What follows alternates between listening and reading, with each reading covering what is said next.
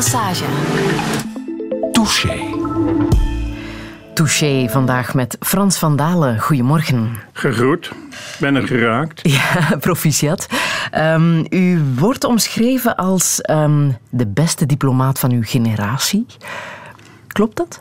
Nee, dat lijkt me echt wel schromelijk over, over, uh, overdreven weliswaar in dank afgenomen, maar dat klopt langs geen kanten. Want ik heb uh, heel wat collega's gekend, uh, zowel uh, Belgische als andere, die, die echt wel de stiel onder de knie hadden. Dus superlatieven, die hoeven voor mij niet. Ja, gewezen kabinetchef van de koning ook. Ja. Dat klopt, hè. En sinds november met pensioen, hoewel, u bent nog altijd heel erg druk bezig, hè?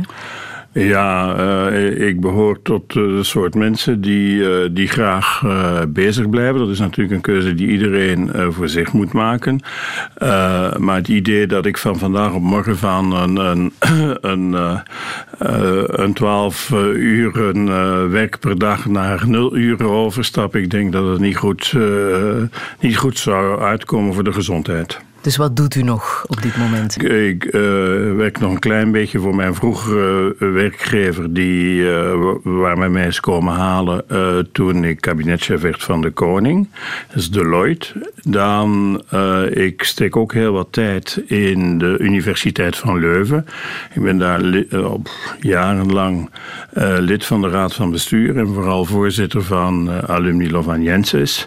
En ik hou me nog met een paar andere projecten bezig, onder andere de Belgian American Educational Foundation, die uh, elk jaar een 70 beurzen voor uh, uh, master- en postgraduate studenten in de Verenigde Staten uitreikt. En dus ja, dat houdt mij wel uh, elke dag uh, goed op spoor. Maar ik ben er toch in geslaagd uh, nu van de tijd zo wat te herschikken dat ik wat meer, meer tijd kan vrijmaken voor, voor, voor familie en gezin. Ja, sinds 2002 bent u ook baron. Hè? Welke, ja, dat klopt. Ja. Welke betekenis heeft die titel voor u? Wel, um, um, de betekenis uh, lijkt me nogal voor de, voor de hand te liggen. Ik zie dat als een teken van, uh, van erkenning voor het werk dat ik samen met anderen, dat wil ik toch wel onderlijnen, uh, ondernomen heb.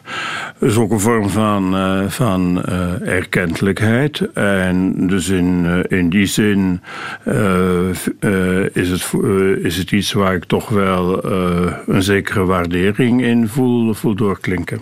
Minister van Staat bent u ook geworden, twee maanden geleden. Ja.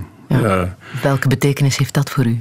Dat was uh, voor mij een verrassing. Ik denk dat dat. U moet natuurlijk, waarom men dat gedaan heeft, moet natuurlijk uh, vragen aan degene die de beslissing nemen. Maar ik vermoed dat dat mede verband houdt met het feit dat ik zowel in mijn laatste opdracht als in vroegere opdrachten ambassadeur in in de Verenigde Staten, wanneer het toch een, een vrij moeilijk moment in onze betrekkingen was, dat het gewoon uh, tot uitdrukking bent, dat, uh, brengt dat ik met, ook met uh, politiek getinte toestanden heb weten om te gaan. Ja.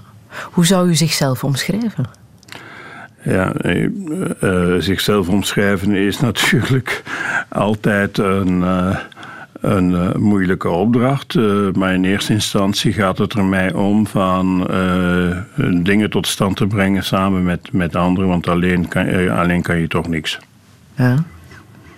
Dat, zo ziet u zichzelf? als iemand die dingen probeert te doen in team, in ploeg, samen met, met, met anderen. Ja. ja. Ik las over u dat u een uitstekend psycholoog bent. Herkent u zich daarin? Dat, dat, wist ik nog niet, maar uh, als je met andere mensen wil samenwerken, dan moet je natuurlijk ook wel uh, inzicht hebben in wat uh, andere mensen mee aan de slag brengt.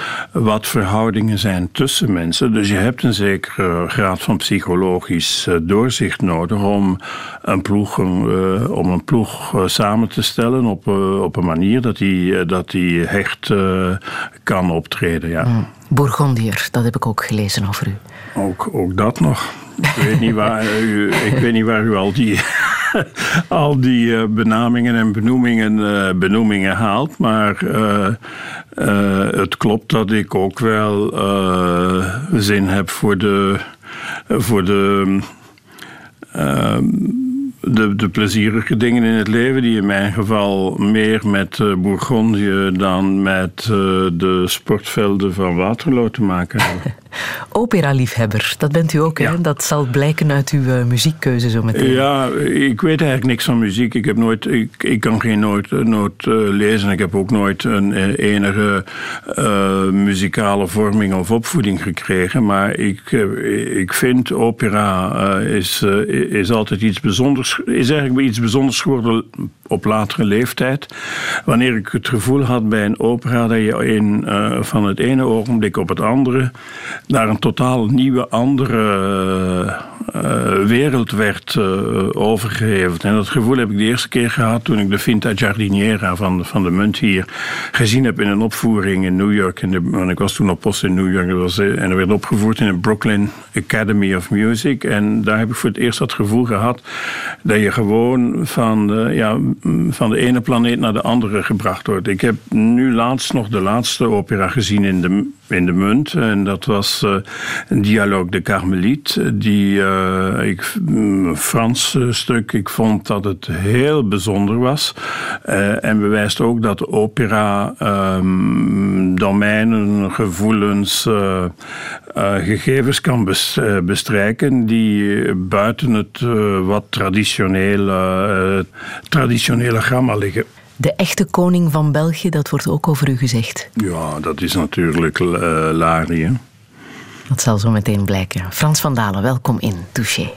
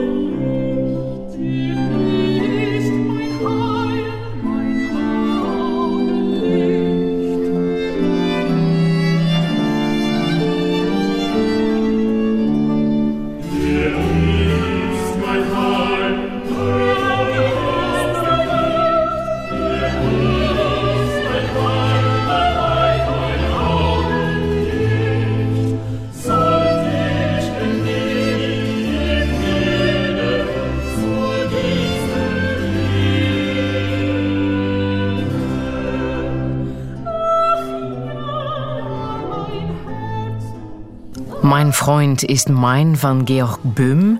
Um, Frans van Dalen, u heeft deze muziek gekozen. Dit is u ingefluisterd, dacht ik. Van wie uh, kent u dit? Hoe zegt u? Door wie kent u dit? Wel, uh, ik heb die componist die ik vroeger niet, leer, uh, niet kende. Want ik, ik, ik, heb u gezegd, ik heb weinig of geen muziekopleiding gekregen. Maar ik heb dat stukje gekregen van de koning. En dat was een gevolg van een van die herfst- of, kerstconcerten die we jaarlijks op het paleis houden. En waar dat stuk uh, gespeeld werd. En uh, ja, de koning had gemerkt dat ik dat toch wel uh, heel mooi vond. en hij heeft het dan laten opzoeken en mij de cd ervan gegeven. Dus voor mij is het niet enkel heel mooie muziek, ehm, maar is het ook een, ehm, een herinnering aan, een, aan een heel mooie tijd in mijn, in, in mijn carrière. -hmm. Is de koning een muziekkenner? Oh, hij speelt ook muziek. Uh, en, uh, hij speelt piano, hij is een goede muziekkenner. Trouwens, ik uh, denk dat al, dat al prinsjes dat die allemaal een, een instrument bespelen. Een, het is natuurlijk een familie met een, een, een, traditie in de muziek. Denk maar aan, aan koningin Elisabeth. Hè? Mm -hmm. Het lied gaat over vriendschap. Hè? Uh, mijn vriend is mijn. Kan u zeggen dat er vriendschap is tussen u en de koning? Wel, dat is natuurlijk moeilijk om, om in één woord te, te beantwoorden. Waarom?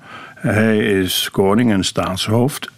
en dat betekent dat hij toch wel een bijzondere uh, plaats in, in onze maatschappij bekleedt. Uh, ten tweede Wanneer je in beroepsverband met iemand werkt, uh, dan uh, is dat een beroepsverband. Maar ik kan wel zeggen dat de verhouding uh, altijd zeer hartelijk geweest is en trouwens nog, nog is. En dat de, het werken met hem bijzonder aangenaam en, en hartelijk was, ja. ja. U bent kabinetchef geworden toen koning Albert troonsafstand deed en uw voorganger met pensioen ging, Jacques van Yperzele de Strihou. Toen werd er gezegd bij de politiek, we zijn opgelucht. Hoe voelde dat voor u om dat te horen? Ja, uh, laat, mij, laat mij zeggen dat ik uh, denk dat mijn voorganger, Jacques van Yperzele, heel grote diensten aan dit land bewezen heeft en een, een, lange geschiedenis achter zich had op dat ogenblik van dienst aan, aan het land. Ehm, als men zich opgelucht voelde, ja, dat moet men dan maar vragen aan degene die zich opgelucht voelde. Het is natuurlijk uh, zo, wanneer, uh, wanneer ik uh, door de koning aangesproken ben om hem te helpen, heb ik dat willen doen naar mijn beste vermogen en in functie van de tijdsgeest. Want als je een beetje geschiedenis leest, wat mij, nogal vaak mijn geval is, dan merk je dat elk, elk koningschap zijn eigen uh, kleur en toonzetting heeft gekend, die natuurlijk afhingen van, van de geest van de tijd van de, van de gebeurtenissen. Dus het is vrij gemakkelijk om te zeggen: dit verschilt een beetje van dat. Uh, um, en um, dat zal, uh, zal in dit geval niet anders zijn. Hoe goed kende u op dat moment de koninklijke familie toen u werd gevraagd? Wel, ik kende, uh, ik had uh, de koning uh, als kroonprins heel vaak ontmoet. Eigenlijk de eerste keer.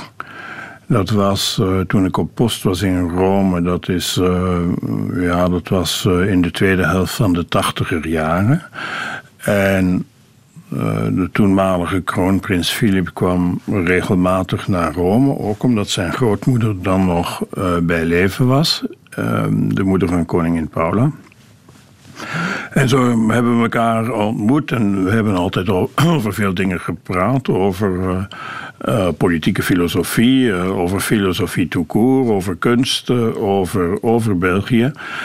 en in al die jaren ben ik met, met hem wel in contact gebleven.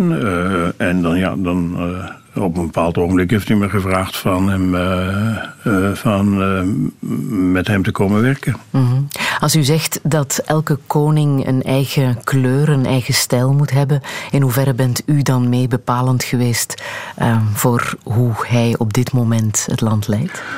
de kleur en de stijl die een koningschap aanneemt, hangt op de eerste plaats af van de koning. Uh, om het, of om het anders te zeggen, elke vogel zingt zoals hij uh, gebekt is.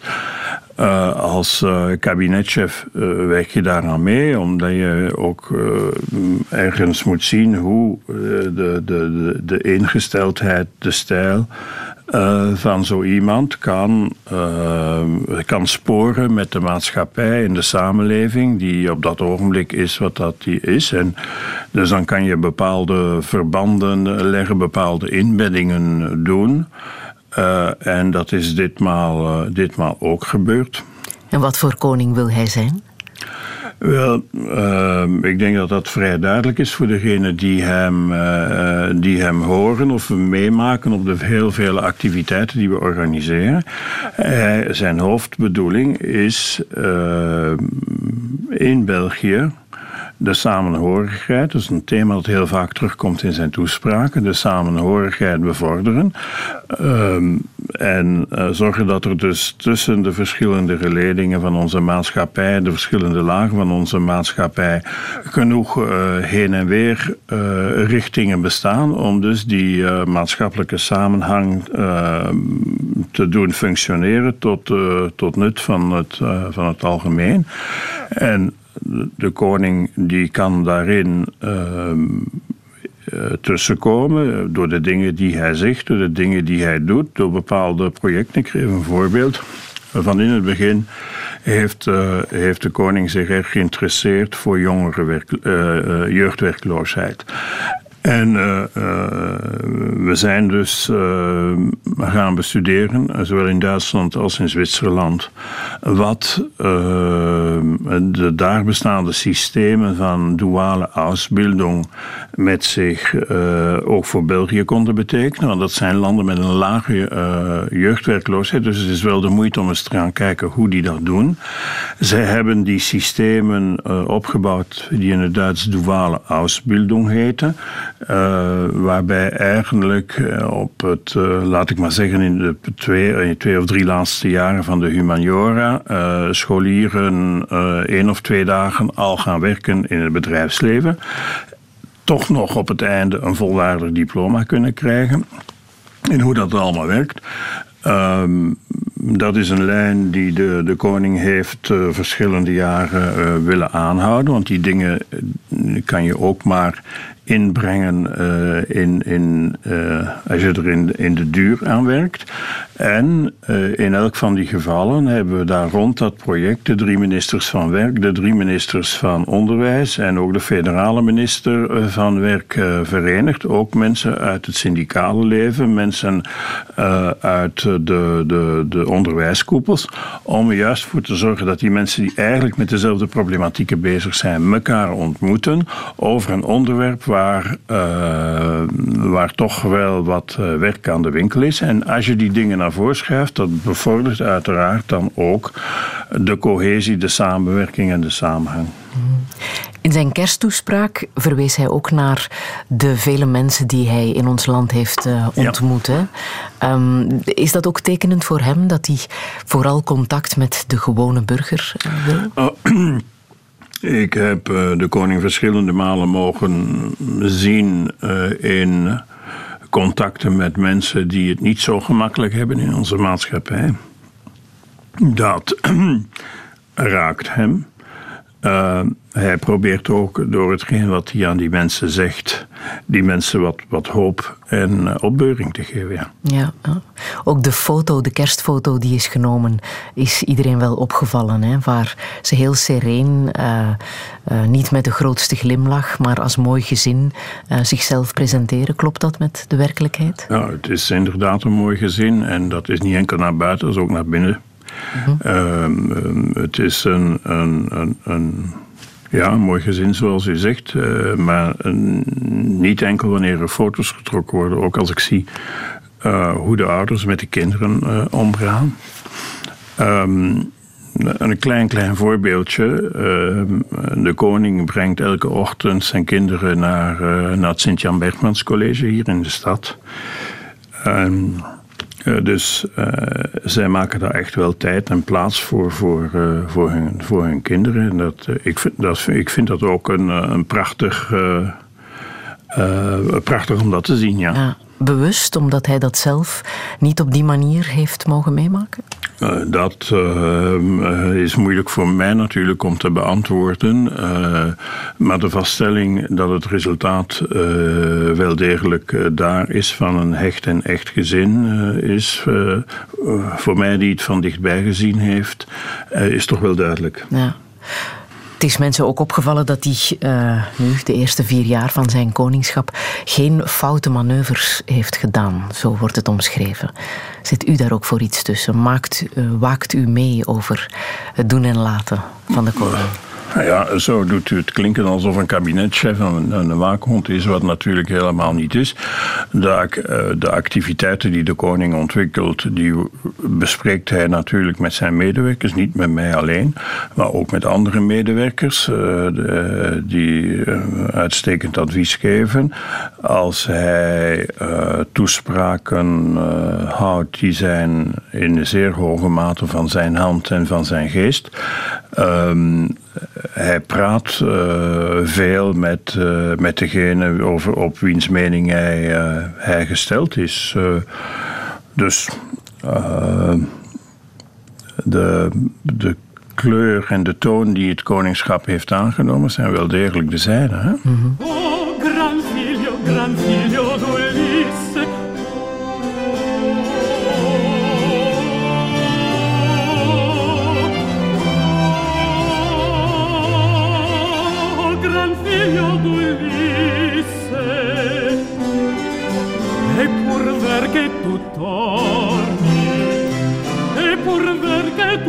torni a serenar, a serenar nella tua madre i giorni. Oh,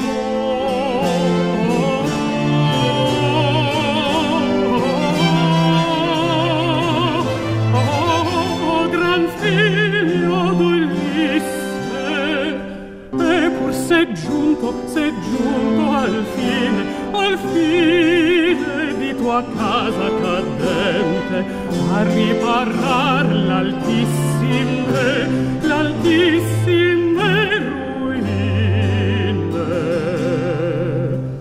Fuga, fuga il cordoglio,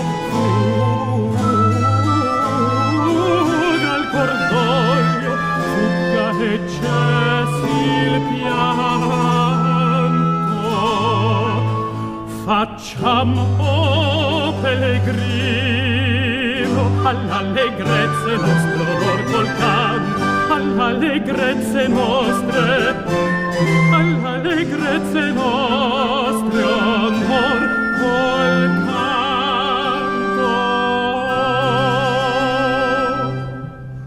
per dispiace lieto giorno ravelite ravelite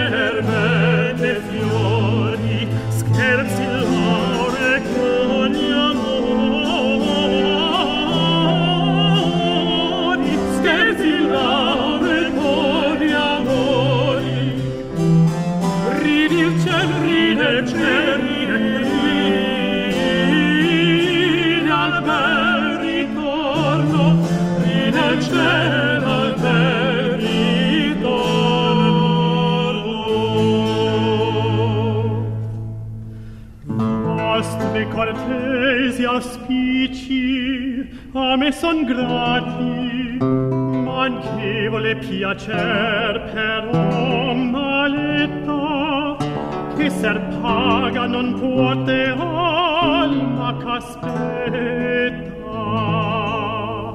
Questo questo che tu qui miri sovra gli omeri stanti portar gran peso danni e mal involto da ben laceri panni Egli, egli ma certa, ma certa che tu lì si ritorno fia di poco lontan da questo giorno. Pastor, se non fia ver, al tardo passo si trasforma in sepolcro il primo sasso e la morte che meco amoreggia intorno ora porti a miei dì l'ultimo giorno Muziek van Monteverdi, Il Ritorno di Ulisse in Patria. Frans van Dalen, waarom heeft u dit stuk gekozen? Uh, omdat eigenlijk Monteverdi uh, de man is geweest die de opera heeft uitgevonden. Ik weet wel, wetenschappelijk zit dat allemaal complexer in elkaar. Maar uh, hij is de man geweest die de grote stap gezet heeft naar uh, een muziekcultuur die de onze wel is en, en waar we dagelijks van, uh, van genieten. Um, ik heb een heel mooi boek over hem gelezen van een, bekende Franse uh, historicus, Fernand Brodel. En Brodel heeft een heel mooi boek geschreven dat heet Le Modèle Italien waar hij uh, halve eeuw per halve eeuw, gedurende een aantal eeuwen, beschrijft wat de invloed geweest is van uh, Italië op de westerse cultuur. En dat begint bij Monteverdi. En dus uh, daar heb ik eigenlijk eh, de man leren ontdekken. Ben ik naar zijn muziek beginnen luisteren en ben ik mij van bewust geworden wat een belangrijke rol hij cultuurhistorisch uh, voor ons gespeeld heeft. Maar er is nog een tweede reden.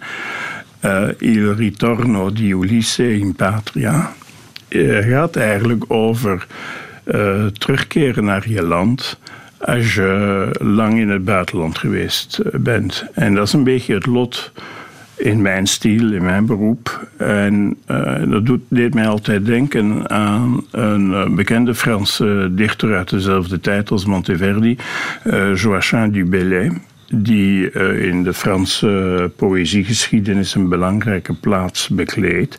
En uh, die ook met als, eerst als ambassadesecretaris, laat ik het zo maar zeggen, met een Franse kardinaal die als ambassadeur naar de paus gestuurd werd, die die uh, vergezeld heeft. En dan zit hij met veel heimwee in, in, in Rome. En dan schrijft hij uh, dat mooie gedicht van Heureux celui qui comme Ulysse a fait un long voyage et retourne plein d'usage et de raison. Dus dat zit er allemaal achter. Ja. Heeft u heimwee naar uw kindertijd in Nederland? Zoals uh, uh, veel mensen van mijn leeftijd, ik ben nu toch de 70 voorbij, um, denk ik vaak aan, aan vroeger. En ja, Nederland ligt, uh, ligt mij inderdaad uh, heel nauw aan het hart. Uh, ik heb er mijn jeugd doorgebracht. mijn moeder was een Nederlandse. Ik heb er nog een stuk familie. Ik vind een aantal dingen heeft men in Nederland goed aangepakt en, en, en goed op, opgelost. Dus het is zeker een land waar ik en belangstelling en bewondering voor heb. Mm. Zoals? Wat hebben ze goed aangepakt en goed opgelost? Um, de, uh, uh, als je ziet, de, de infrastructuur uh, is, is toch heel goed, goed ontwikkeld. Als je ziet, dat is het voorbeeld van om, om een ministerie te hebben zoals de Nederlandse Rijkswaterstaat. Uh, die hebben 40 jaar lang rond elk dorp in Nederland een, eh, een, een rondweg, zoals het daar heet, een ringweg aangelegd. En om het verkeer uit die oude dorpskernen te houden. Dat is een heel lange volgehouden inspanning uh, geweest. En dat betekent dat je na 40 jaar werk, nadat je dus een lange termijnsbeleid hebt kunnen vormen, volgen, dat je toch na die lange 40 jaar dan toch iets hebt waar je u tegen kan zeggen. Ja. U was twaalf hè, toen u vanuit uh, Zeeuws-Vlaanderen was het naar uh, Knokke bent verhuisd. Ja. Hoe was die verhuis voor u als kleine jongen? Wel, um, de, Dat was een, een, een soort culturele revolutie. Hè? Ehm, ik kwam uit een klein dorp dat, zoals veel dorpen in die tijd, in zichzelf besloten was. Dat was Sluis, vlak bij de, bij de Noordzeekust. En een beetje zoals in het liedje van uh, Jacques Brel. Avec un ciel si bas qu'un canal si éperdu. Uh, dus dat was een besloten wereld. Als je dan naar Knokke ging, Knokke had al de.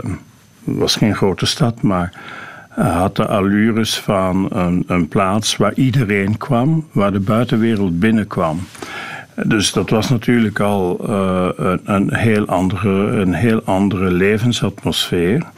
Daarboven waren er ook uh, uh, anekdotisch wel veel verschillen. Ik, was dus, ik had dus op school geleerd over de, de Belgische opstand.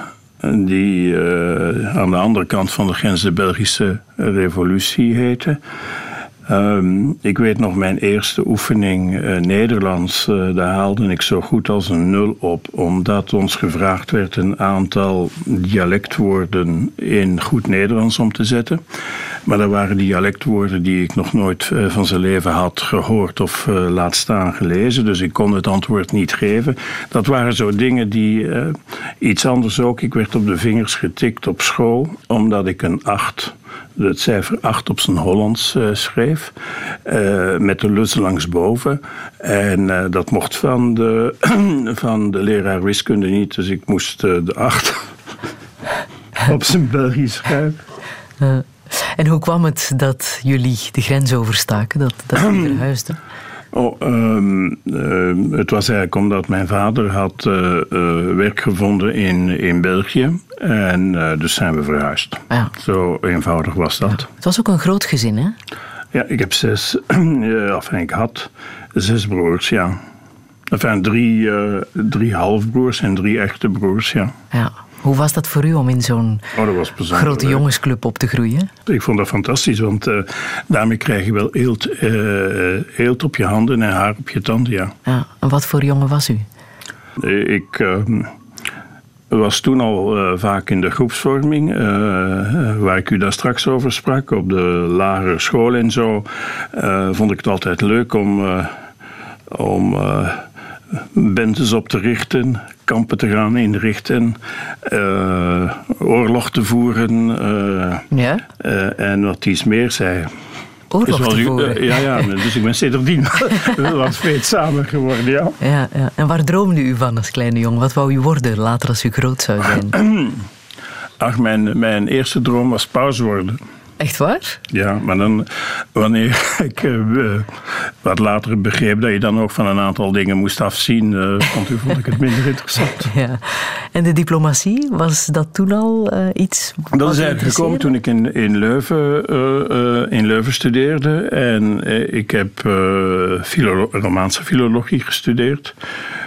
Met de beste herinneringen overigens. En dan op een bepaald ogenblik ehm, vraag je af, ja, wat ga je dan nu mee doen? Uh, en uh, een mogelijkheid was het onderwijs. Uh, wat me wel aantrok, en, want ik vind de kennisoverdracht is een, een essentiële gest in onze maatschappij. Maar ik ik was ook erg geïnteresseerd in buitenlandse politiek. Uh, ik las veel kranten in Leuven, uh, buitenlandse kranten en, en, en zo meer. En dan hadden we met een paar uh, medestudenten hadden we een soort dag um, georganiseerd over beroepsmogelijkheden buiten het onderwijs. En we hadden de toenmalige woordvoerder van Buitenlandse Zaken, uh, ambassadeur van Bellingen, uitgenodigd. En die kon daar met uh, ongelooflijk veel enthousiasme en geestdrift over spreken. En dan, dan dacht ik bij nu heb ik het gevonden. En zo is het gebeurd, ja. Ja, want u bent ook vrij snel uh, aan het werk uh, geraakt. Hè? Ja, uh, wanneer ik afgestudeerd ben, heb ik nog een jaar Frans gegeven bij de Zusters Annunciaten in Heverlee. En ondertussen een diplomatiek examen voorbereid. Want dat gaat natuurlijk niet enkel over talen, dat ging ook over volkenrecht, over politieke economie, ook over diplomatieke geschiedenis. Dus ik had al vier jaar lang examens afgelegd en examens voorbereid. Dus dat was voor mij gewoon een vijfde jaar bij studeren en uh, en examineren, laat ik het zo maar zeggen. Uw studiejaren in Leuven, dat waren ook uh, de jaren zestig, hè? de rumoerige oh ja, jaren zestig. Ja, er was, er was genoeg te doen. Hè? er was... Er was veel donder en bliksem uh, toen. En, uh, In hoeverre was u daarbij betrokken, bij wel, mei 68? Ik ben, um, uh, ja, zoals, zoals ehm, de meeste van mijn leeftijdsgenoten uh, heel erg uh, mee opgetrokken in dat verhaal van de splitsing van de, van de universiteit. Um, ik heb toen een paar keer ook geprobeerd, uh, omdat ik toch wel wat Frans had geleerd als romanist. Om ook met studenten aan de Franstalige kant te praten. Maar er was eigenlijk, ik denk dat was typisch een periode van polarisatie. En wat is de definitie van polarisatie? Is dat er geen dialoogbereidheid meer is op dat ogenblik. Uh, en ja, bon, de dingen zijn dan uh, gelopen zoals ze gelopen zijn. Dus dat was Leuven-Vlaams. ik heb op, die, op dat ogenblik ook wat mm, enige belangstelling gehad voor de linkse kant van het politieke spectrum. Uh, studentenvakbeweging. Niet dat ik mij daar, uh, zoals het toen, toen waarschijnlijk hoorde, mij daar met huid en haar toe bekend en bekeerd heb. maar ik vond het toch interessant om, om ook dat van dichterbij te zien. Dus ik vind het nog altijd, en dat, dat heb ik ook meegedragen in, in een universiteit, als je dan student bent, dat je een beetje van van alle markten moet proeven om van alle markten thuis te zijn.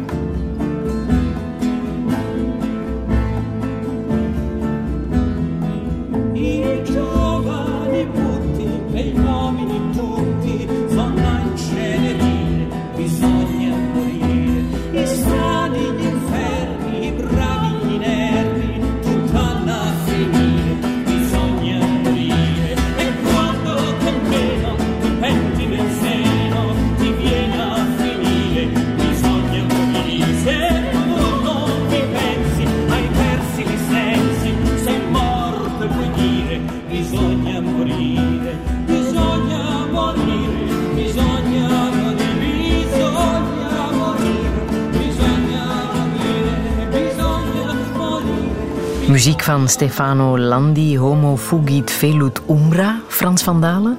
Met welke betekenis heeft u dit gekozen? Om te beginnen omdat ik de muziek mooi vind. Uh, maar het thema uh, boeit mij, zoals, velen, zoals vele anderen daar ook door geboeid zijn, over de uh, vergankelijkheid der dingen. Er is een thema wat ook in de, in de schilderkunst heel vaak terugkeert. Uh, en uh, het helpt je uh, te zien dat je een, een schakel bent in een keten. En die schakel die heeft eigenlijk maar belang voor zover er een keten is. Dus in die zin, als uh, in het, wat u gehoord heeft, uh, uh, homo fugit velut umbra, de mens gaat weg, snel voorbij als een schaduw. Dat is een momentopname, maar je moet ook altijd denken dat er niet je eigen, enkel en alleen je eigen persoonlijke vergankelijkheid is, maar dat er ook dat je een onderdeel bent van een veel groter verhaal. En dan wijst u op uw periode in Rome? Ja, dat was uh, een ongelooflijk mooie tijd. Uh, als je je interesseert voor uh, geschiedenis, kunstgeschiedenis, archeologie, wat mijn geval is, dan is er met moeite een, een betere plaats denkbaar. Ja. Um, als je in Rome rondwandelt, dan heb je het gevoel dat je in verschillende, verschillende eeuwen tegelijk leeft. Hè. Je ziet de Romeinse overblijfselen, je ziet uh, dingen uit uh, toen de Renaissance teruggekomen is naar Rome met de terugkeer van de pausen uit Avignon. En je hebt dus echt het gevoel dat je op meerdere plaatsen uh, tegelijk vertoeft. en met als slotsom dat, dat dit eigenlijk allemaal de kern van onze westerse beschaving is. Hoe ver ging die liefde voor, voor archeologie? als jongen van uh, tien jaar, uh, als ik uh, mij niet bezig hield met bendevorming op de lagere school, las ik ook heel veel. Toen er tijd was er nog geen televisie. Ja, televisie bestond wel, maar wie had die? Dus wat je toen deed, dat was, was boeken lezen. En ik las heel veel geschiedenis. Ook de, de geschiedenisboeken van mijn, van mijn oudere broers die op het gymnasium zaten. Um, en uh, ja, de dingen die ik zo las, vooral was dat dan het, uh, de geschiedenis van Rome, van de Romeinse Republiek en het Romeinse Keizerrijk. Dat uh, maakte grote indruk op mij. trouwens, u weet dat de, de hang naar het, het vervlogen rijk heel, heel onze geschiedenis voor honderden jaren is blijven meespelen. Hè. Denk uh, kerstmis uh, eh, 800, Karel de Grote, die uh, keizer gekroond wordt in Rome. Dat is allemaal een hang naar dat oude Romeinse verleden. Dus in die zin is dat ook mijn geval geweest, ja. Ja, en die fascinatie voor stenen. En dan was er het boek gaat... van, van Bertus Aafjes. Ja? Voettocht naar Rome heette dat. Ja. ja. En fascinatie ook voor stenen, hè? Dus, uh, mm, ja. ja. Daar kijkt u graag naar? Daar, daar, uh... Natuurlijk, een, een, een, steen is een steen is een steen. Maar je moet en dat, dat daarom is juist uh, geschiedenis zo interessant. Uh, als je er ge, genoeg van weet, dan kan je die steen ook in zijn context plaatsen. Dan is die steen gewoon een stapsteen naar een, een aanvoelen, een bekijken, uh, een inleven van de geschiedenis die uiteindelijk ons in hoge mate gemaakt heeft, collectief, cultureel, in wat we zijn.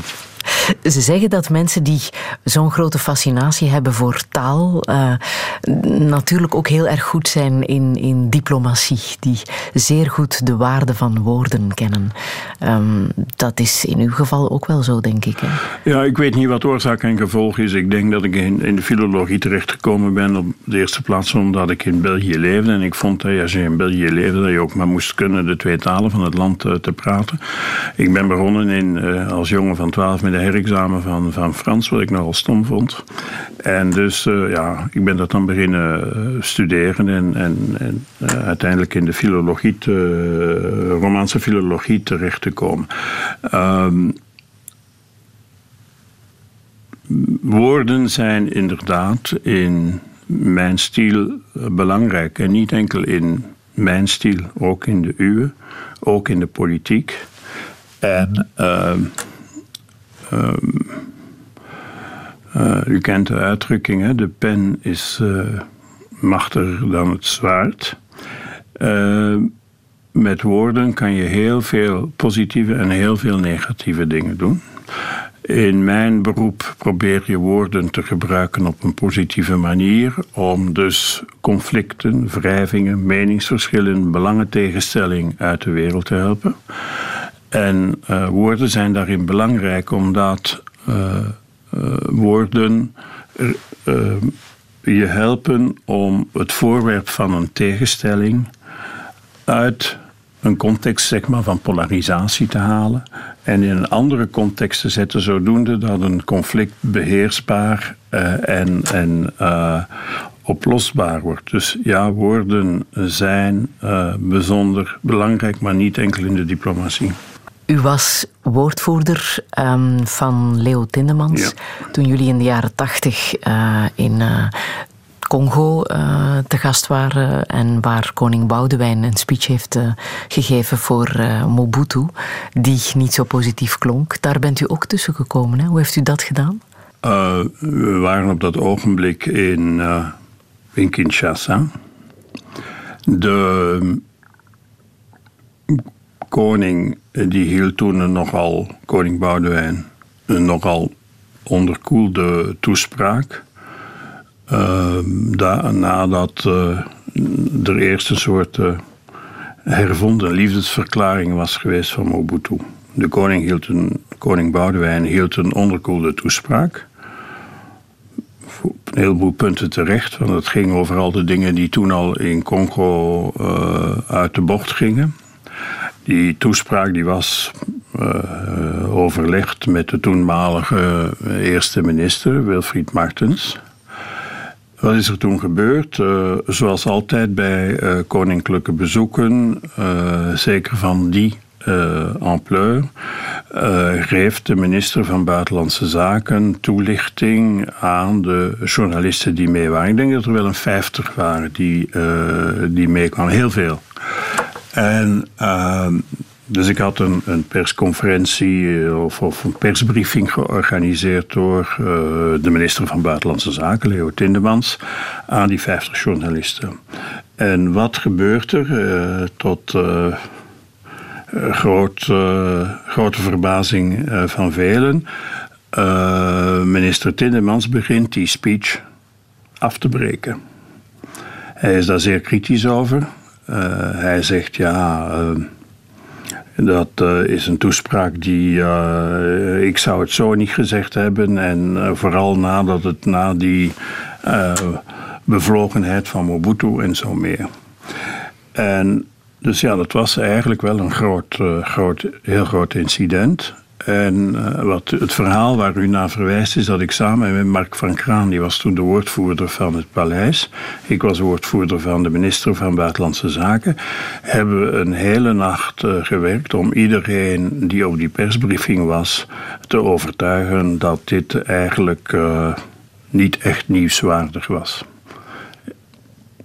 En ik denk dat er ook zo goed als niks de dag nadien in de Belgische media gekomen is. Maar hoe heeft u dat gedaan om aan journalisten te zeggen dat iets geen nieuwswaarde heeft? Uh, wel, door uit te leggen uh, hoe die opmerkingen tot stand gekomen waren en dat het meer opmerkingen waren over de vorm en waarschijnlijk ook een zekere korteligheid tussen twee uh, politici, maar dat dat aan de grond van de zaak niks veranderde. En dat de toespraak van de koning wel degelijk de toespraak was die, uh, die België wilde. Ik heb nog muziek klaarstaan van Nino Rota uit uw favoriete film uh, Satiricon van Federico ja. Fellini. Waarom is die film u zo opgevallen? Uh, Satiricon is natuurlijk een, een schelmenroman. En je had een schelm nodig zoals Federico Fellini om dat op die manier uh, uit te beelden. En uh, het draait eigenlijk allemaal om het verval, de zedenverwildering, de homo homini lupus toestand in de, in, in de Romeinse tijd. Um, en dat werd eigenlijk nogal uh, ruw, maar toch uh, uh, fantastisch juist gemikt weergegeven. Maar dan ook, en daar vond ik het interessante, en dat is typisch voor Fellini. Uh, Fellini die vaak films gemaakt heeft die draaien rond, laat maar zeggen, de zedenverwildering of, of, uh, of de losbandigheid. Denk maar aan Amarcord. maar er zit altijd, hij bouwt altijd een een ogenblik van, van zuiverheid in. En dat is in Satiricon ook zo. Uh, het afscheid van de man die, uh, door, de, die de, door de keizer uh, ter dood veroordeeld was en die zelfmoord moet plegen, zoals het toen gebeurde. En men opende zich de aderen. En die dus afscheid neemt van, van zijn familie.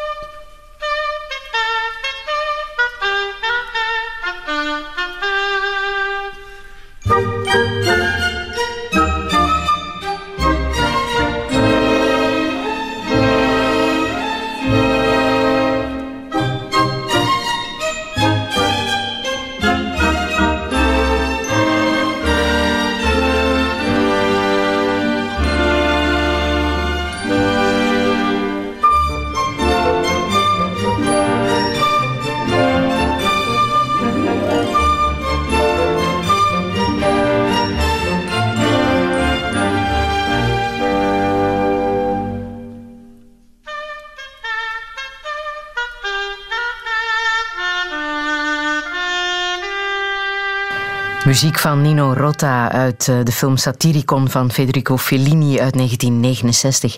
Zometeen praat ik verder met gewezen diplomaat en kabinetchef van de koning Frans van Dalen. Radio 1. 1. Friedel Lassage. Touché. Touché met misschien wel de belangrijkste burger van ons land, Frans van Dalen. Een man die kan terugblikken op een indrukwekkende diplomatieke loopbaan. Twee maanden geleden, toen hij 70 werd, beëindigde hij zijn job als kabinetchef van de koning. In alles wat hij deed was er altijd een goed evenwicht tussen journalistiek, diplomatie en politiek. Je zou hem het geheime wapen van België kunnen noemen, hoewel hij geboren werd in Nederland. Buiten de werkuren blijkt hij vooral gefascineerd door stenen. Maar hoe moet het verder met dit land, met Europa en met de wereld? En hoe ziet hij zijn eigen toekomst? Dit is Touché met Frans van Dalen.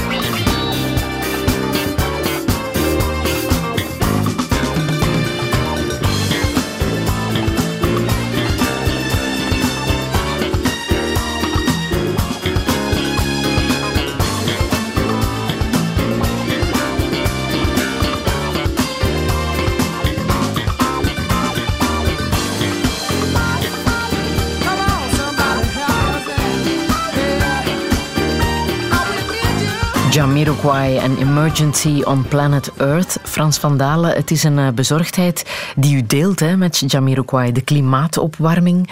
Wat baart u het meeste zorgen? Uh, het is natuurlijk een, soort uh, evidente waarheid om te zeggen dat de wereld in een soort van stroomversnelling terechtgekomen is.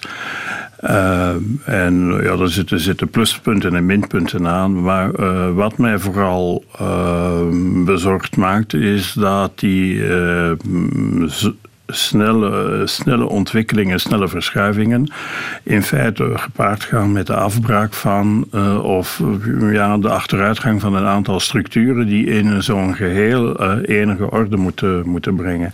Je hebt op dit ogenblik een gigantische machtsverschuiving van het Westen naar uh, Azië een gigantische machtsverschuiving die je ziet op het vlak van ehm, ehm, op militair vlak, op economisch vlak, op demografisch vlak, op het vlak van de waarden. Hè. Eh, in Azië hoorde je heel vaak zeggen, ja, die democratie waar jullie altijd zo prat op gaan, uh, dat levert toch niet de resultaten op die wij op onze manier behalen. Dus er is ook een verplaatsing van van het, uh, van het denkkader. En dan uh, vraag je af hoe moet je daarmee omgaan. En ik denk dat dat de opgave is, en die is eigenlijk niet nieuw, die is al een paar jaar geleden begonnen. Hoe uh, kan je dus in een wereld die zo snel aan het veranderen is, toch genoeg orde op zaken te houden? Want die orde op zaken is natuurlijk voor een land zoals België essentieel. wij leven als kleiner land uiteindelijk ook maar indien we op een planeet liggen waar er waar de dingen toch enige mate van voorspelbaarheid behouden. Is dit ook een soort schending van de mensenrechten? We hebben recht op een schone, mooie planeet? Wel, uh, ja, ik vind. Uh, mensenrechten vind ik nogal een evident iets. Uh, als we willen zijn wat we zijn, namelijk mensen, moet je daar ook de voorwaarden voor scheppen. U verwees, in, u verwees naar, naar het klimaat eigenlijk het klimaat is iets wat mij positief stemt. Ik zal je uh, misschien zeggen waarom. Uh, in die wereld waar zoveel gevestigde waarden of gevestigde ordeningen en gevestigde structuren onder druk staan, en waarvan ik vind dat men terug naar aan, aan, herstructurering moet doen, vind ik juist dat het akkoord van Parijs een gigantische stap uh, vooruit is. Dat is een van de domeinen waar iedereen, en ik laat dan even terzijde de, de Amerikanen, iedereen eigenlijk wel inziet dat als er ergens een gedeeld belang is, dat het wel gaat over het voortbestaan uh, van, uh, van de planeet. En dat ook uh, iedereen weet dat dit is werkelijk een zaak voor, voor ons allen. En je ziet dus. je ziet dus naar boven komen, toch een consensus. Daar moeten we echt op samenwerken. Dat vind ik hoopgevend. Ik vind het ook hoopgevend dat een paar andere internationale akkoorden lijken stand te houden. Denk ik aan het nucleaire non-proliferatieverdrag. Ik weet wel de problemen die er zijn met, uh, met, uh, met Noord-Korea. Uh, Hoewel ik denk wat, wat Kim doet, vooral een signaal is van blijf van me af. En het signaal is niet enkel aan de Amerikanen gericht, vermoed ik. maar dus het klimaat, wat er op klimaatvlak gebeurt, met vallen en opstaan. Met al de, de, de complexiteiten, met uh, president Trump die Amerika uit dat klimaatakkoord doet terugtreden. Maar we weten dat eigenlijk de dagdagelijkse klimaatregelen niet op federaal vlak gebeuren, maar op lokaal en, en uh, statelijk vlak. Dus dat vind ik een belangrijke stap voorwaarts en ook een hoopgevende stap vooruit.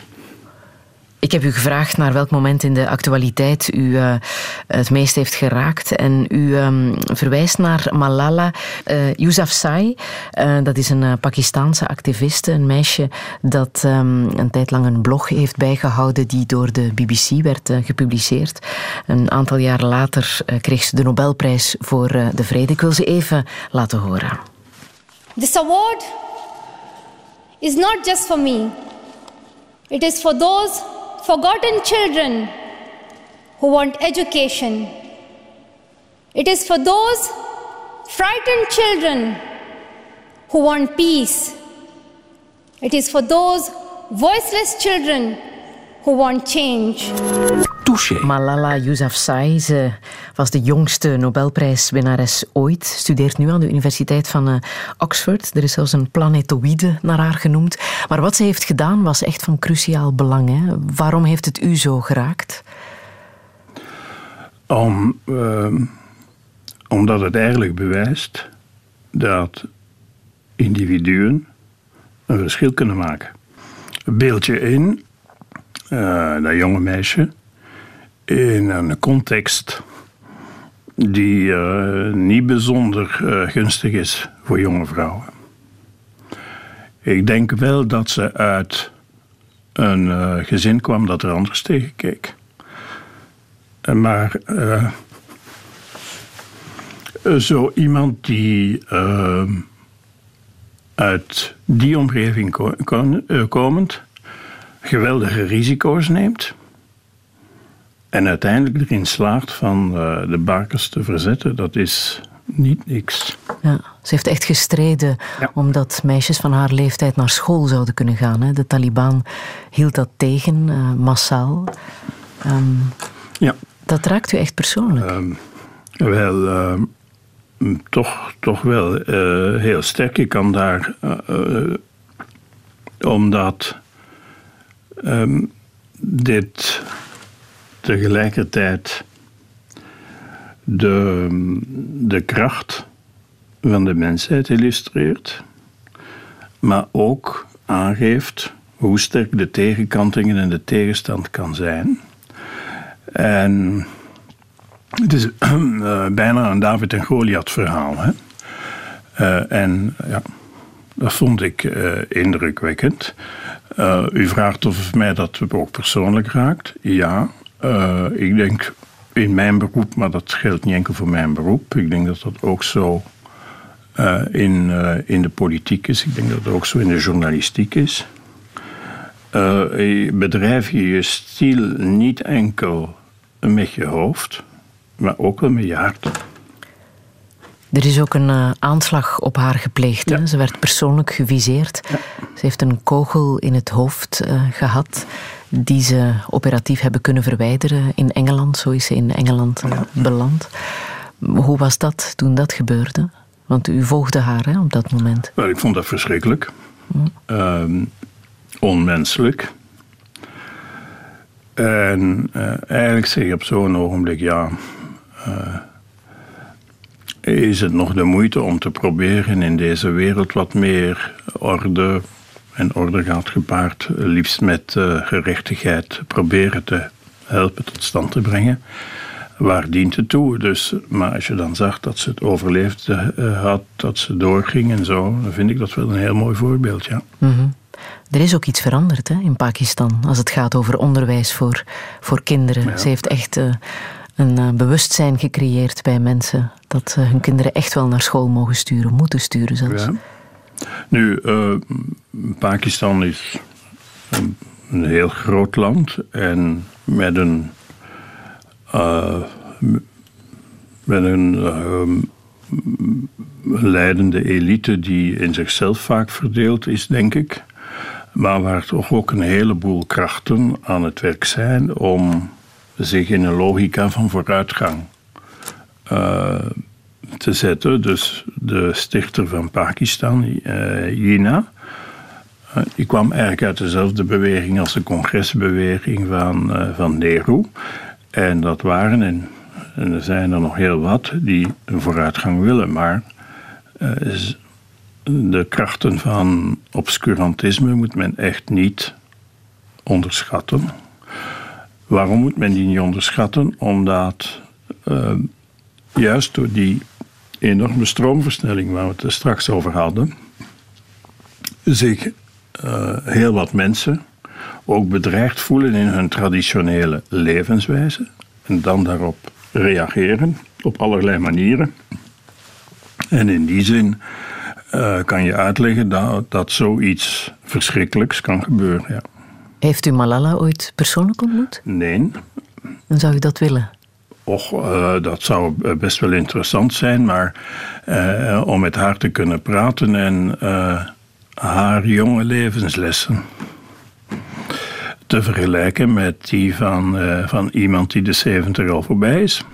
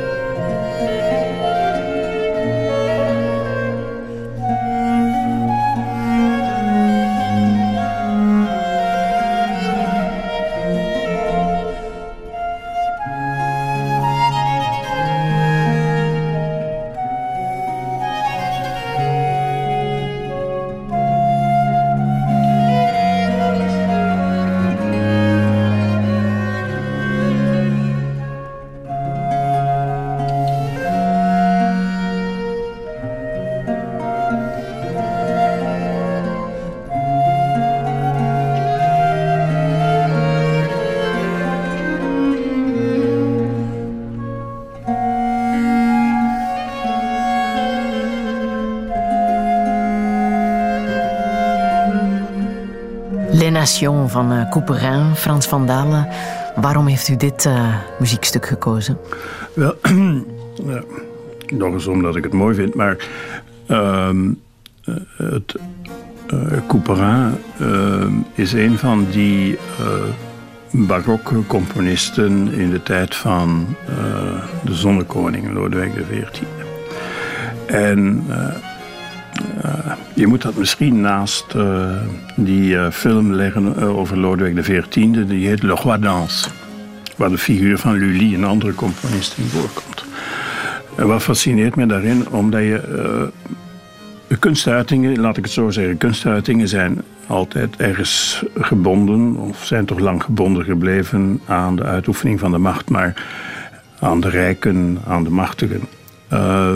Maar dit is wel heel duidelijk in de, in, tijdens de Gouden, eh, de Gouden Eeuw in Frankrijk, uh, rond het Hof van uh, Versailles.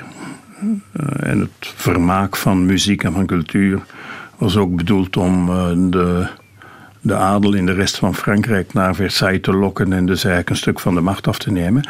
Maar dus dit is de muziek van de macht. en het is altijd wel een beetje zo, uh, maar het komt uh, zelden duidelijker tot uiting dan in die muziek die gemaakt is rond, uh, rond Lodewijk XIV, de zonnekoning. De, de, waarschijnlijk in de Franse geschiedenis het ogenblik met de grootste machtsophoping bij één persoon. En dan zie je dat de muziek daar uiting aan geeft en tegelijkertijd ook als machtsinstrument gebruikt wordt. Gelooft u in de macht? sorry? Gelooft u in de macht? Uh, de macht heb je wel nodig als je dingen wil, wil veranderen. Uh, ik uh, gebruik liever termen zoals invloed en overredingskracht. Maar dat zijn ook maar varianten van de macht. Ik weet wel, de macht is geen onverdeeld sympathiek woord. Maar je hebt wel, om het dan in, in, in Engelse termen te zeggen, je hebt leverage nodig. Ik, een, een, uh, vroeger uh, mijn Nederlandse collega in het comité van permanent vertegenwoordigers was Ben Bot. Die is nadien minister van Buitenlandse Zaken geworden van Nederland. En die zei altijd: Ik verander maar van positie als ik er iets voor terugkrijg of een goed argument hoor. en uh, macht heb je dus nodig om, om dingen, te, dingen te veranderen. Hopelijk en liefst ten goede.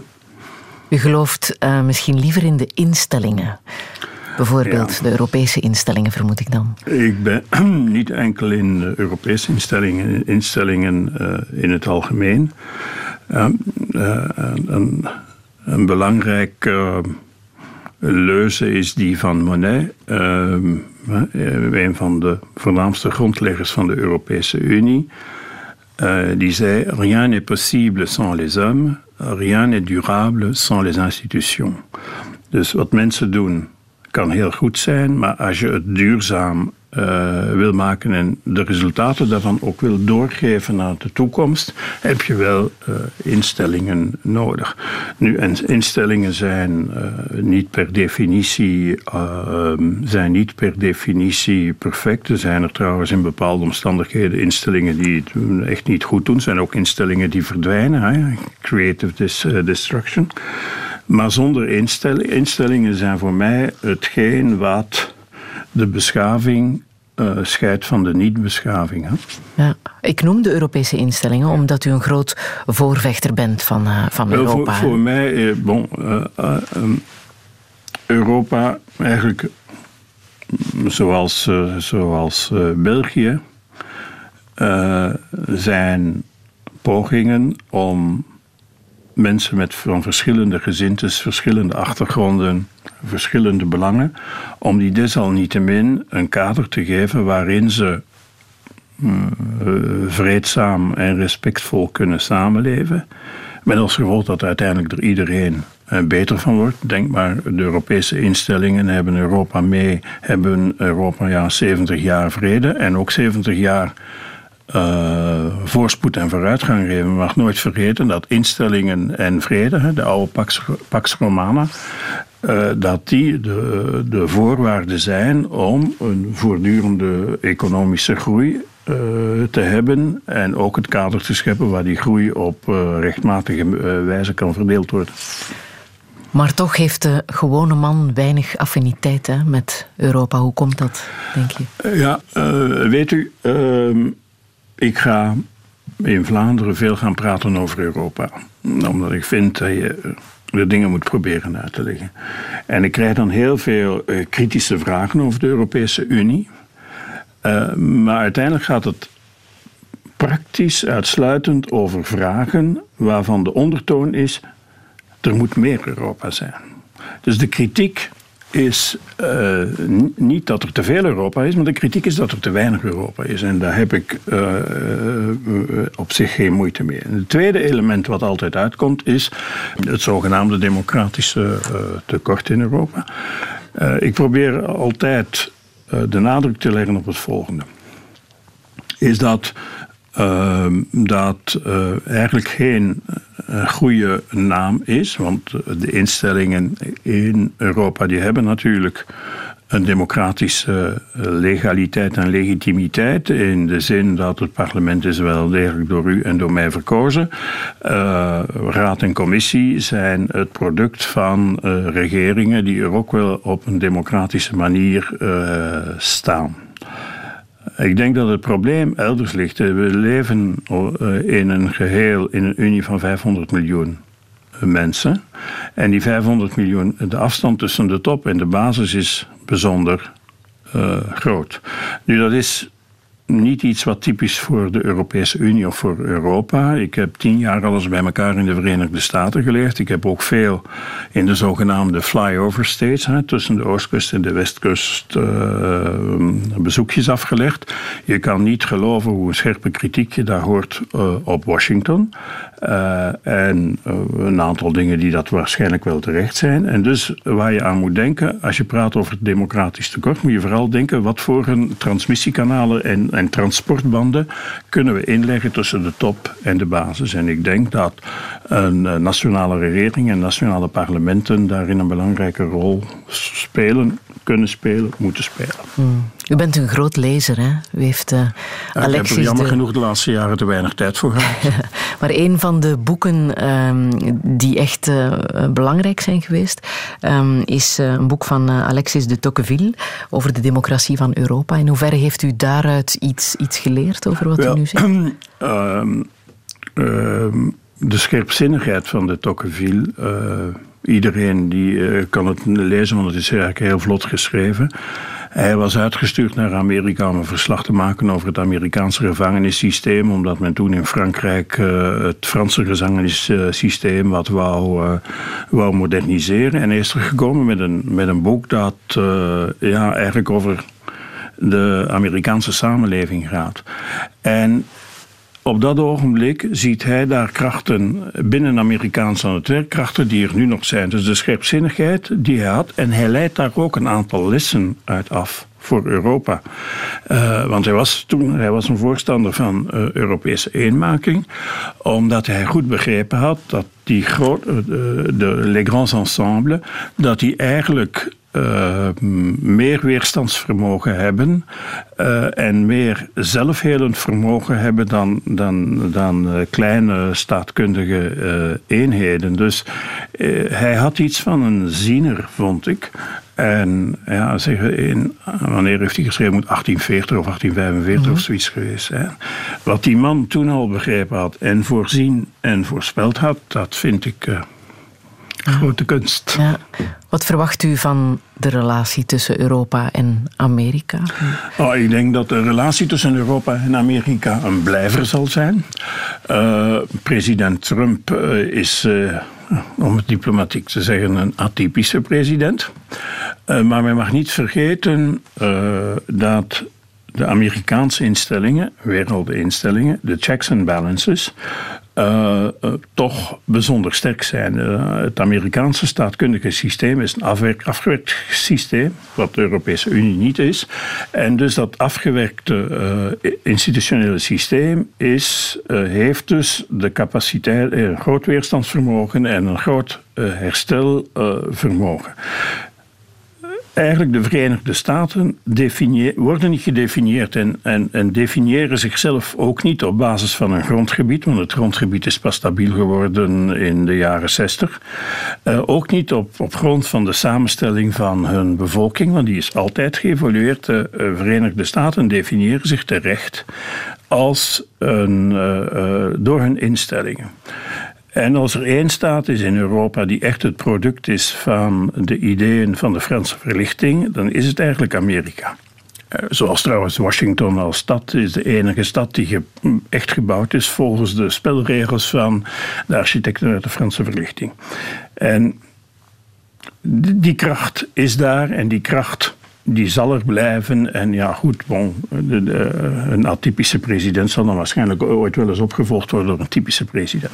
Het probleem van de uh, transatlantische verhouding ligt misschien nog meer aan onze kant dan aan hun kant, is zolang wij onze Unie niet verder en beter afwerken, zijn we natuurlijk maar een halve partner. En uh, een, een halve partner met een hele partner, dat uh, is altijd een moeilijk verhaal.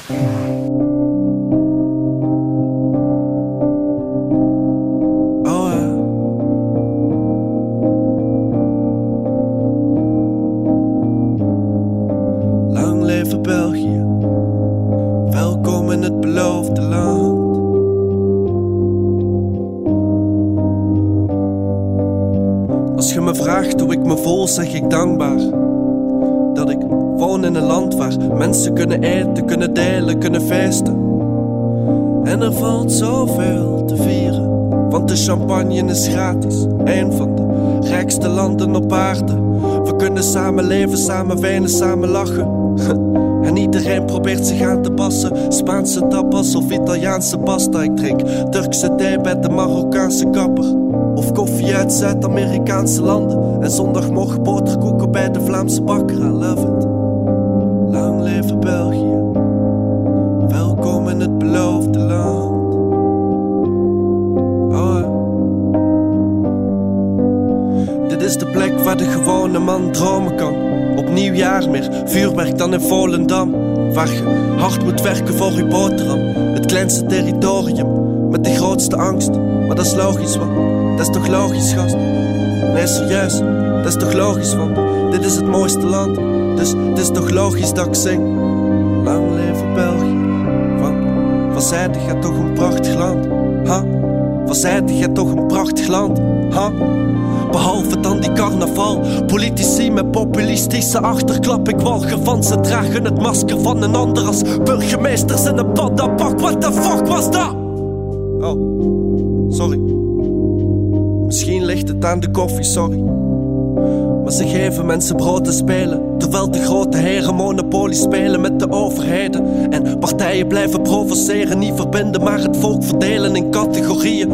Achter het masker van kapitalisme schatten. Half depressieve bankdirectrice die het algemeen belang niet zal dienen. Omdat ze een opzegpremie krijgt waarmee ze kan nieren, maar ik weet het. Er is geen alternatief. Of wordt dat enkel gezegd door een kapitalist? Zelf ik ben bang voor iets nieuws, bang voor iets nieuws en ik haat die shit, want, want we, we denken enkel aan het geld. Dollartekens in de ogen als ome Dagobert. We staan stijf van de stress of, of stijf van de pillen. Kijk, mensen staan stokstijf in de stilte als een mime-artiest. Zieden het niet. Kijk, koningin Fabiola in een limousine gezien cocaïne aan het snuiven door een briefje van tien. Misschien hypocriet, maar, maar please wees het niet. I'm keeping it real.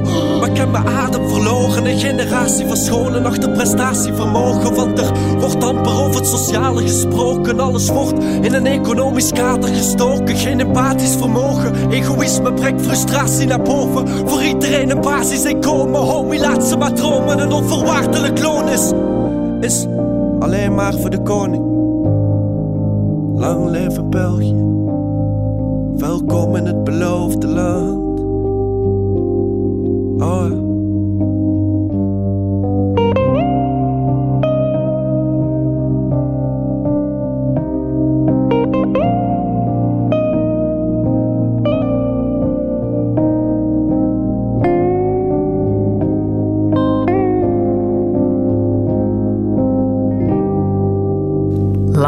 België van Froze. Dat is uh, Frits Tavernier, een uh, Gentse jonge rapper. Uh, de titel klinkt goed, maar er is natuurlijk ook wel een ondertoon van kritiek. De enorme kloof tussen arm en rijk. Begrijpt u, Frans van Dalen, als gewezen kabinetchef van de koning deze noodkreet van deze jongen? Ik begrijp die ten volle. En ik denk dat de koning ook heel veel aandacht aan dat punt van uh, armoede en rijkdom besteedt. En dat gaat hem ook echt wel aan. wat, wat u daar hoort is in zich niet nieuw. Dit doet mij zo denken aan de tijd dat ik zelf student was en we dweepten met Leonard Cohen en, en Bob Dylan en, en Boudewijn de Groot. En we hadden toen ook al heel wat kritiek op het systeem, zoals het toen heette. Natuurlijk, met ouder worden ga je daar meer genuanceerd naar kijken. Maar dat betekent niet dat die, de dingen die niet perfect gaan. En God weet dat er vele, vele zijn, dat je die zomaar uit het oog uh, begint te verliezen. Maar je contextualiseert ze misschien uh, wel op een uh, meer genuanceerde manier. Ik vind alles bij elkaar, en ik zeg alles bij elkaar, vind ik België eigenlijk als staat bijzonder goede resultaten heeft opgeleverd voor zijn, zijn inwoners. Ik denk als je die kloof tussen arm en rijk bekijkt, die is reëel, maar is toch een heel stuk minder dan wat op vele andere, andere plaatsen bestaat. Uh, ik vind ook dat wij onder elkaar en uh, op de eerste plaats ook dankzij het werk van de politieke verantwoordelijken altijd in geslaagd zijn om de burgerlijke vrede in dit land uh, te behouden. Daar waren toch tegenstellingen bestaan die, die wel eens uit de hand hadden kunnen, kunnen lopen. Um, hij refereert ook naar de limousine van de koningin, um, de dotatie van uh, het Hof. Uh, er is uh, veel over uh, gezegd en geschreven. Um, Prins Laurent verliest nu een ja. deeltje van zijn dotatie het komende jaar. Wat denkt u bij, bij dat soort wel, nieuws? ik heb dat ook gehoord in, in het liedje die, uh, laten we de, uh, een onderscheid maken. Er is de civiele lijst en er zijn er de dotaties. De civiele lijst is het bedrag dat de koning elk jaar krijgt. En dat is dat bedrag dat gaat op aan werkingskosten en personeelsonkosten. De dotaties zijn, er is een dotatie voor koning Albert, er is een dotatie voor prinses Astrid en er is een dotatie voor prins Laurent, die ontstaan zijn uh, onder uh, het, het vorige koningschap. Um, en die ook in hun geval voor een heel stuk uit werkingsmiddelen bestaan. De limousine van de, van de koningin, ja, ik zie de koningin ook niet in, in een in een Volkswagentje op een officiële plechtigheid uh, aankomen. Want dan heb je een heleboel mensen die een andere opmerking maken. Uh, over het feit dat men een, uh, de instelling die de monarchie toch is, niet genoeg in, in ere houdt. Dus dat is zo'n soort debatten waar je nooit echt uit raakt. En goed, ja, de ene denkt dit en de andere zegt dat. Maar wat ik steeds opnieuw vaststel, en ik kom op veel plaatsen in Vlaanderen, uh, hoor ik altijd de reactie: uh, ja, de koning en de koningin zijn goed bezig. Uh, men zegt mij dat misschien ook omdat men weet dat ik kabinetchef ben of was van, van de koning, maar ik denk dat ik genoeg getraind ben om te horen wanneer de mensen zeggen wat ze denken, in plaats van je naar de mond te praten. En ik denk dat ze heel vaak zeggen wat ze denken, namelijk dat uh, de koning en de koningin inderdaad goed bezig zijn. Hoe ziet u het Koninkrijk België evolueren?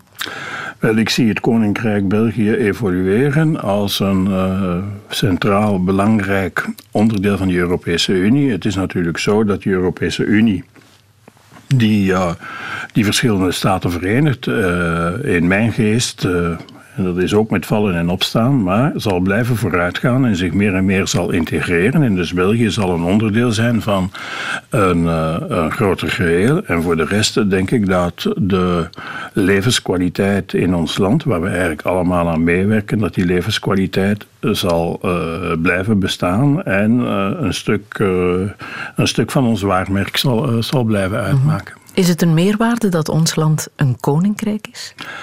Wel, uh, ik denk het wel. Uh, bon, België is een koninkrijk om, om redenen die uit het verleden stammen, maar ik zie dat bijvoorbeeld tijdens staatsbezoeken hoeveel deuren er open gaan. Een, een koning en een koningin, dat maakt indruk in het buitenland, dat kan ik u wel zeggen.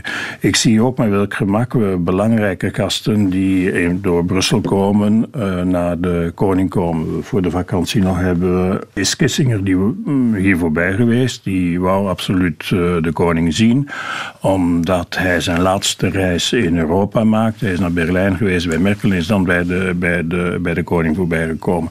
Mensen zoals Bill Gates of de, de uh, Elon Musk en zo dus met andere woorden, elk van die gesprekken is een kans om België op de kaart te zetten. Dus dat is toch een, een toegevoegde waarde. Ik denk ook dat het een toegevoegde waarde is om naast uh, de naast of boven de politieke debatten, die per definitie gaan over meningsverschillen en, en belangentegenstelling, dat er iemand is die iedereen uh, toch een beetje beschouwt als staande boven het uh, dagelijks gewoel. Daarom uh, ook de rol van de koning in de regeringsvorming. Dus dat zijn allemaal ehm, dingen die een toegevoegde waarde bieden. En ik vind, we hebben de monarchie, dat is de, het geschenk van, van de vorige generaties aan dit land, dat we daar ten volle, uh, ten volle uh, gebruik van moeten maken en daarvan de potentiële uh, toegevoegde waarde ten volle moeten kunnen, kunnen gebruiken.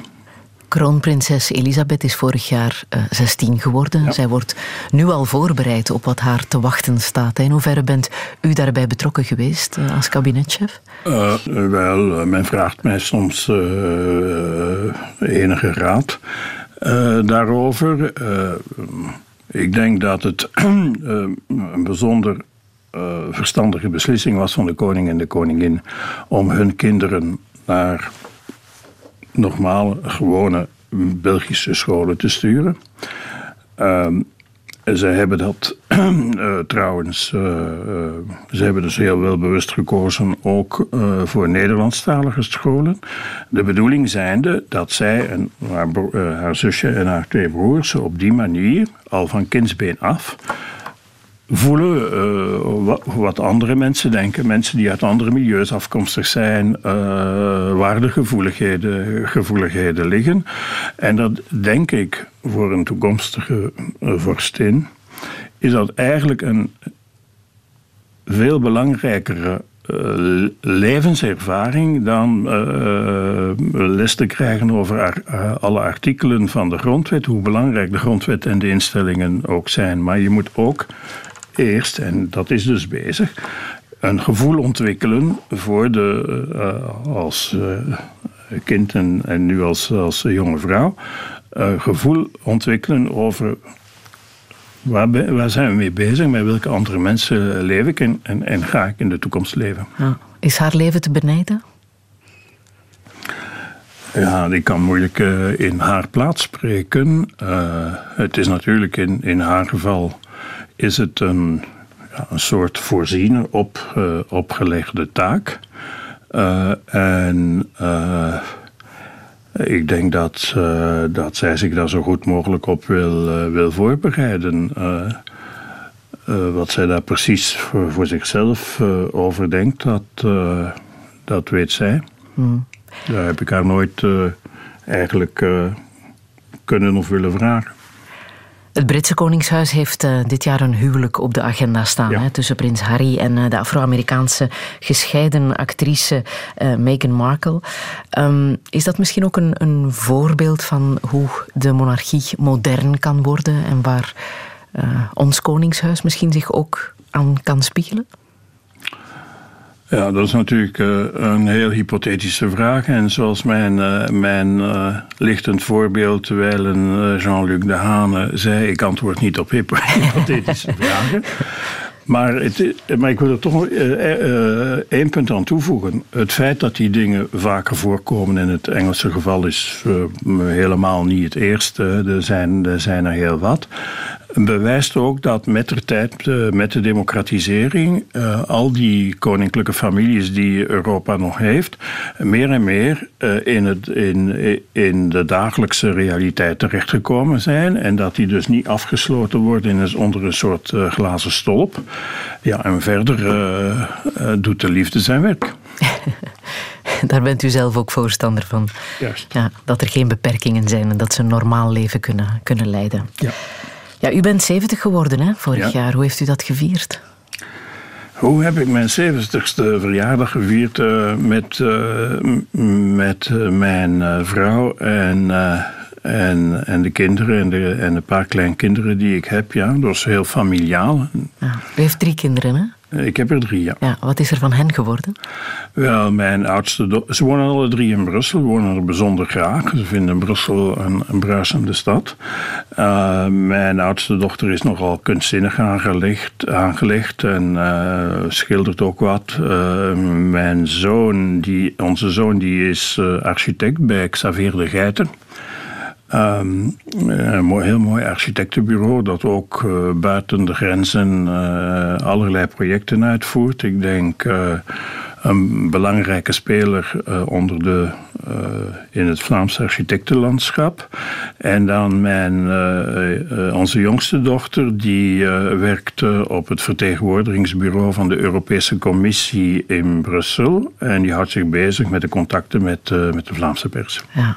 Uw zoon heeft eh, de titel van baron geërfd, dacht ik. Hè? Mannelijke uh, lijn. Da daarvoor moet ik eerst doodgaan. Uh, is het waar? Dat is gebeurd over erving, ja. Ja, maar alleen in mannelijke lijn is dat? Ja, alleen in mannelijke lijn. En dat is natuurlijk ook een gegeven dat uit het verleden stamt. Dus het is wel zo, en dat moet ik misschien even corrigeren. Dus mijn twee dochters krijgen die titel ook, als ik er niet meer ben zoals dat in bepaalde advertenties eh, heet. Uh, maar ze kunnen de titel niet doorgeven. Dus vrouwen kunnen de titel niet doorgeven, mannen wel. En dat is ja, een oud systeem dat, dat eeuwen, eeuwen ah. teruggaat. En de regels van de opvolging, de regels van, de, van dus het doorgeven van de titel staan in de adelbrieven die je krijgt wanneer je geadeld wordt. Dus het zijn die regels. En voor sommige families gaat dat eeuwen terug. Die bepalen hoe de titel wordt, uh, wordt doorgegeven. Is het waar dat u een aantal jaren geleden nog een job hebben aangeboden bij eh, Goldman Sachs? Ja, ik ben daardoor voor benaderd worden. Dat was wanneer ik wegging, eh, wegging bij, eh, bij Herman van Rompuy. Dat was de eerste keer dat ik mijn pensioen probeerde te gaan. Ik was toen 65. En ik was kabinetchef geweest van Herman van Rompuy. En met wie we, ja in de zwaarste crisis gezeten hebben die Europa ooit gekend heeft, namelijk de muntcrisis. En dan werd ik aangesproken of ik uh, lid wou worden van de advisory board van Goldman Sachs. En ik heb daarop gezegd dat ik dat uh, niet wenste te doen. De reden was dat Goldman Sachs een heel. Mm, um, omstreden rol gespeeld heeft uh, in uh, de, het ontstaan van die enorme staatsschuld die Griekenland had opgebouwd. En ik vond het dus eigenlijk niet passend dat ik dat ik daarop uh, zou ingegaan zijn. Mhm. ik, wil er ook niet theologisch over doen. Uh, ik vind langs de andere kant dat mensen die nog iets te bieden hebben aan de maatschappij, en dat hangt dikwijls af van je eigen gevoel van gezondheid en, en je, je eigen wil tot inzet, vind ik dat je mm, ook na 65 of na 70 toch nog moet, moet actief blijven. Dus mm, zo zie ik het wel. Maar er zijn bepaalde dingen waar je beter nee op zegt. Mhm. Is er iets na de dood? Ja, dat is natuurlijk uh, de vraag die alle uh, andere vragen in de schaduw stelt. Uh, ik denk van niet. maar ik kan me vergissen. Welke boodschap wilt u hier nog meegeven tot slot? Heel simpel. Je moet proberen te begrijpen voor je oordeelt. Ik zie heel vaak, uh, gaat men kort door de bocht, gaat men, uh, maakt men iemands anders proces zonder de proteststukken gezien te hebben, uh, gaat men voor de kreet en de slogan die er dan snel moet zijn om op de voorgrond te komen. Uh, ik vind dat gevaarlijk. Ik vind dat je altijd moet begrijpen hoe is iemand tot een bepaald punt gekomen? Wat zijn de beweegredenen geweest? Wat zijn de contraintes geweest waarbinnen hij moet opereren? Dus uh, bezint eer gij begint. Ik denk dat dat een zeer goed voornemen is voor 2018. Laten we eindigen met uh, muziek van Domenico Zipoli, het Kyrie, de Italiaanse componist. Zipoli, ja. Zipoli. Uh, en ik wil je hartelijk bedanken voor dit gesprek. Ja, dankjewel.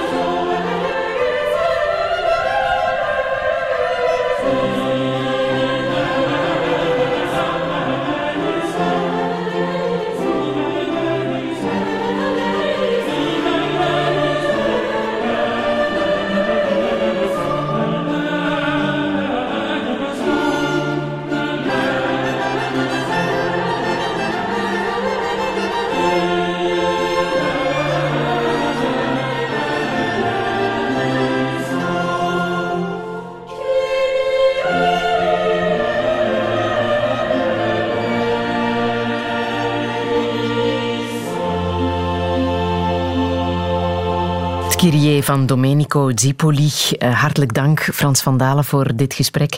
De eerste touché van het nieuwe jaar zit er al op. Alle info kan je straks nalezen op onze website radio1.be. En volgende zondag verwacht ik chef-kok Kobe Desramo. Een heel fijne zondag nog. Herbeluister touché via de podcast Radio Plus en radio1.be.